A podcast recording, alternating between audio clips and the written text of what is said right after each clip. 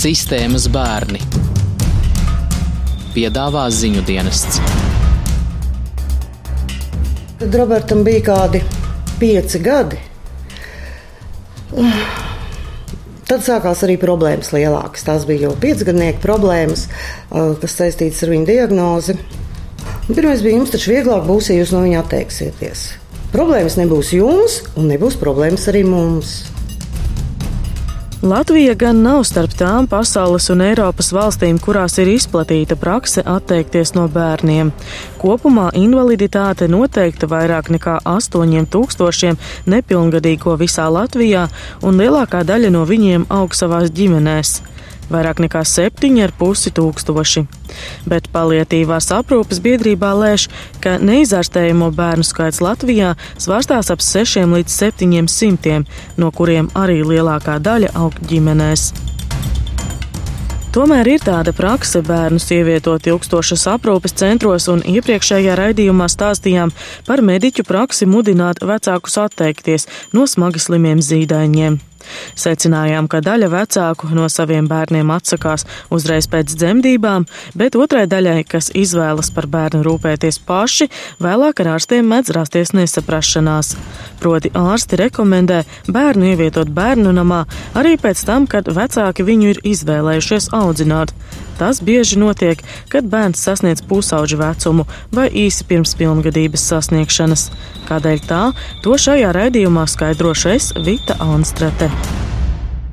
Mana dēla specifika slimības ir tāda, ka viņš kliedz.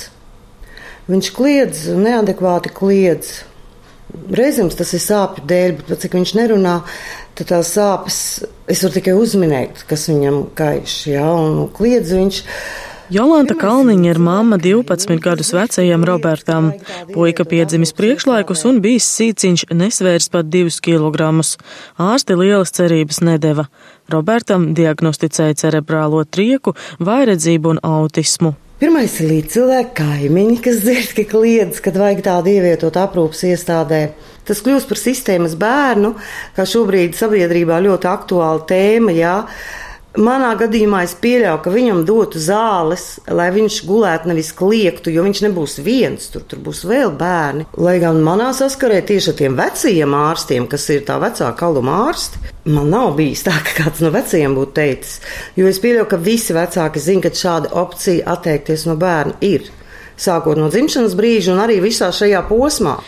Ar Jolantu Kalniņu tiekamies radio, jo iespēja iziet ārpus mājas viņai ir īpaša. Pēc intervijas mamma dodas uz invalīdu un viņu draugu apvienību apērons tikties ar citām mamām. Cita citā viņas smeļas iedvesmu un atbalstu. Jolantas mājās ir ciemojies raidījums trīs ceturdaļas, kas atspoguļo sižetus par un ap invaliditāti, un raidījuma arhīvu fragmentā labi dzirdams, kā izpaužas puikas slimība. Rāpot iemācījās. Gribu nesit, nesit, nesit, nesit, Nu, ik pa laikam kāds iesaka atdot viņu. Robertam nepieciešama 24 stundu uzraudzība, tāpēc Jolanta drīz vien pēc zēna piedzimšanas pārtrauca strādāt. Ģimeni pameta Roberta tēvs. Ārstu ieteikumus no bērna atteikties pirmo reizi dzirdējusi, kad zēnam bija pieci gadi. Kā iepriekš stāstījām, bieži tas notiek jau daudz agrākā vecumā. Robertam augot, arvien biežāk nākas saskarties ar mediķu un citu pašvaldības un valsts iestāžu darbinieku ieteikumiem no zēna atteikties. Reiz vērsusies pēc palīdzības bāriņtiesā, saistībā ar grūtībām zēnu pēc pastaigām uznest uz otro stāvu. Stāstījusi, ka šādas problēmas ir kādai paziņai, jo nevēlējusies atklāt runāt par sevi. Bāriņtiesā saņēmusi šādu pretjautājumu. Vai mātei bērna aprūpes tiesības nebūtu jāatņem, ja reiz nevar izvest pastaigās? Pirmo reizi man to pateica nevis mediķis, bet ierēdnis. Kad es sāku saprast, ka problēmas ļoti lielas un bija grūti nest viņu no otrā stāva, man ieteica meklēt palīdzību iestādēs, kam ir, kurām būtu jāpalīdz. Tad, kad es aptuveni kādam ierēdnim izstāstīju to būtību, problēmu. Pirmais bija, jums taču vieglāk būs, ja jūs no viņa atteiksieties.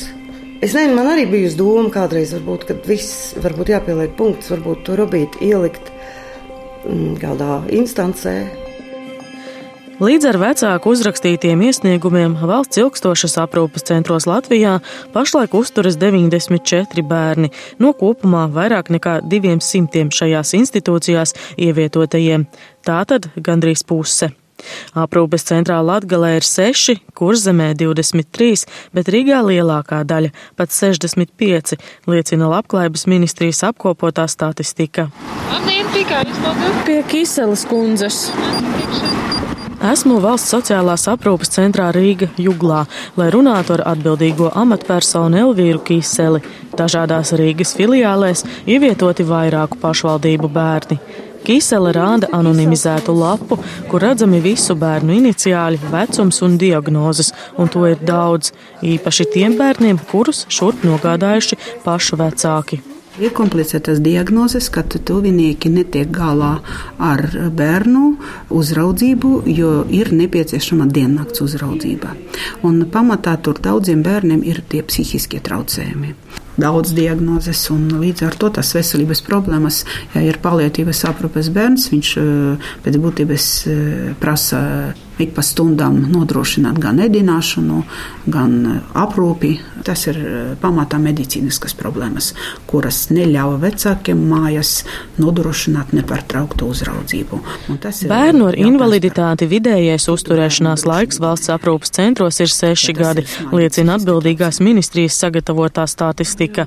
Tātad visbiežāk šie pusauģi centros nonāk, kad ir sasnieguši 12 gadu vecumu. Kisele arī stāsta, ka tieši pusauģu vecumā progresējot arī uzvedības traucējumi, un ja ģimenēs aug vairāki bērni, tad cietēji varētu būt veselie brāļi un māsas. Pirms lēmumu pieņemšanas aprūpas centru personāls un vadība ar vecākiem nerunājot to darot sociālais dienests, tāpēc Kisele nezina, vai kāds vecākus mēģina pierunāt vai atrunāt. Šāds iesniegums gan nozīmē, ka vecāki bērnam aizvien ir likumiskie pārstāvji un pavisam no bērna neatsakās nāk, apmeklē tos bērnus. Eh, nu, mums, piemēram, lielāko daļu, piemēram, no, no vienas filiāles Nu, divus bērnus apmeklē, pieciem bērniem, kuri ievietoti uz vecāku iesniegumu pamatā, nu, pāris reizes gadā. Dažādi iemesli ir. Bieži citas filiāles bērnus apmeklē diezgan bieži. Un e, zvanam pašus, aicinam uz svētkiem, lai uzturētu tos kontaktus un arī nodrošinātu kaut kādu ciešākas saites ar ģimeni. Ciemošanās atkarīga no tā, cik tālu aprūpas centrs atrodas no vecāku mājām. Filiālē pēc vecāku iesnieguma uzturas gan rīdzinieku, gan citu pašvaldību bērni. Pēc pilngadības sasniegšanas ģimenēs viņi neatgriežas, bet dodas uz pansionātu. Arī tālākas rūpes tad uzņemas valsts. Dažreiz bērni centros nonāk īsi pirms pilngadības. Līdz ar 18 gadu vecumu mainās arī pabalstu saturs. Ja bērns aizvien uzturas ģimenē, tad viņš jāatzīst par rīcību nespējīgu un par aizbildni jāieceļ vecāks. Jānokārto invaliditātes grupa, no kuras atkarīgs pabalstu apmērs. Par katru centrā ievietoto smagi slimo bērnu valsts mēnesī maksā 1130 eiro. Par visiem 94 bērniem valsts mēnesī maksā vairāk nekā 100 tūkstoši eiro. Gadā šie izdevumi pārsniedz vienu miljonu.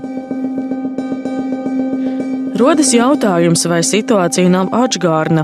Valsts institūcijas par slimo bērnu aprūpēšanu saņem vairāk nekā 1000 eiro mēnesī, bet bērnu vecāki, kuri paši audzina savas atvases, bieži vien nestrādā un iztiek no pabalstiem. Atkarībā no tā, vai nepieciešama īpaša kopšana, pabalsta apmērs var sasniegt 200-300 eiro mēnesī. Ārija Martukāne, profesionālo auģu ģimeņu apvienības Terēza vadītāja un bijusī sociālā darbiniece, pēc kādas no mūsu sarunām man uzdod jautājumu, vai arī ārsti un bērnu nama darbinieki iesaka atteikties vai mēģināt runāt.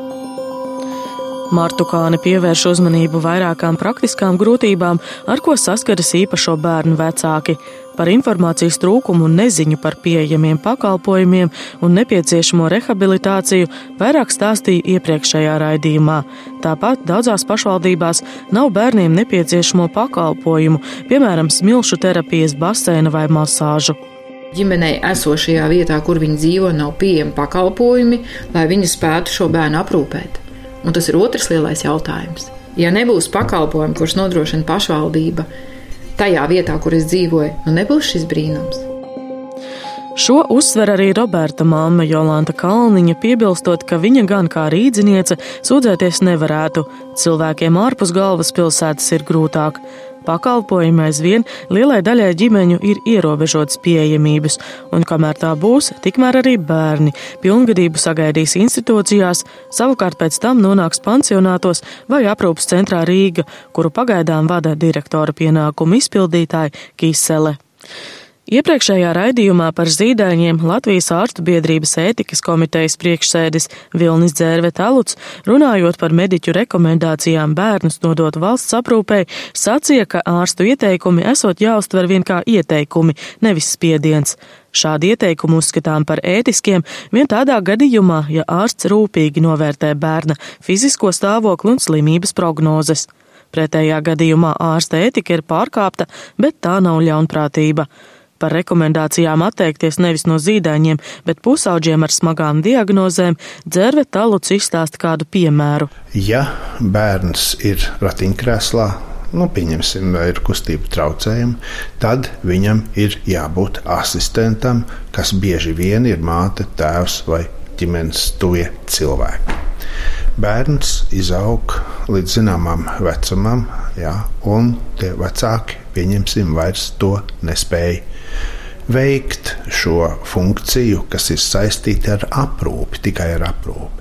Un te nu esot tā dilemma ārstam - ierosināt bērnu nodot aprūpas centram vai paklusēt. Tad nu ir tas jautājums, kur tas bērns paliek. Tā, tas ir viens aspekts. Otrs aspekts ir tas, ka tas bērns var būt ratiņkrēslā, bet viņam ir vajadzīga vēl specifiska medicīniska palīdzība. Ja to var izdarīt ģimenē, tad ārstam ieteikt, dot, lai bērnu atdod nu, tur un tur, nu, tas nav pieņemami. Tas nav. Vecāki krīzes situācijās sagaida, ka ārsts, kurš uzstāda diagnozi, palīdzēs saprast, kur tālāk meklēt palīdzību, pie kādiem citiem speciālistiem vērsties. Ārsti bieži esot sistēmas ķīlnieki laika trūkuma dēļ, karās rindas un ierobežotais konsultāciju laiks arī mediķiem radot stresu. Te ir tās mūsu sistēmas lietas, kuras, kuras nu, nav pilnīgas. Tas ir jāatzīst. Viņas nav pilnīgas, un, un es pieļauju, ka tie stāsti, kas nonāk līdz jums, ka viņos ir, ir, ir taisnība. Jā. To, ka no ētikas viedokļa ir problēmas komunikācijā, tā ir aktualitāte gandrīz vienmēr. Rīgas Stradiņu universitātes medicīnas ētikas profesore Vija Sīla arī dzen piedāvā lūkoties uz saskarsmi starp veselības aprūpes darbiniekiem un plašāku sabiedrību kopumā.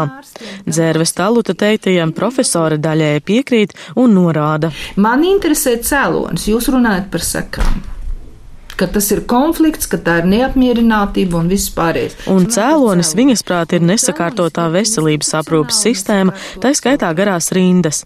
Tomēr runāt par ētiku kopumā šeit nevarot, jo katrs gadījums vērtējams individuāli. Vispārīgi mēs te neko nevaram definēt.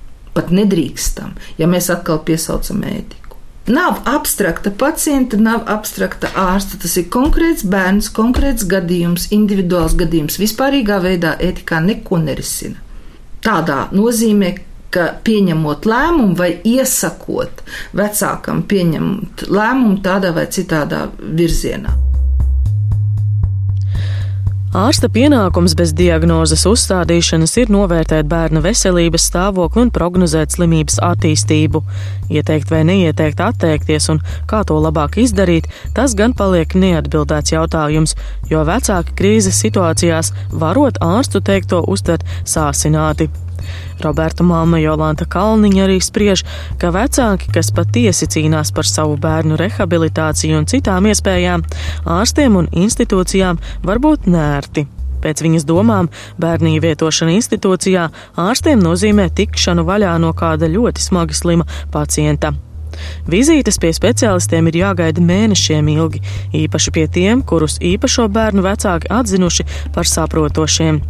Pieļaujam, ka katram vecākam par savu bērnu ir virkne jautājumu, ko vēlētos uzdot ārstam, bet mediķi ārā, garā rindā, gaida vēl desmit citi vecāki ar saviem jautājumiem.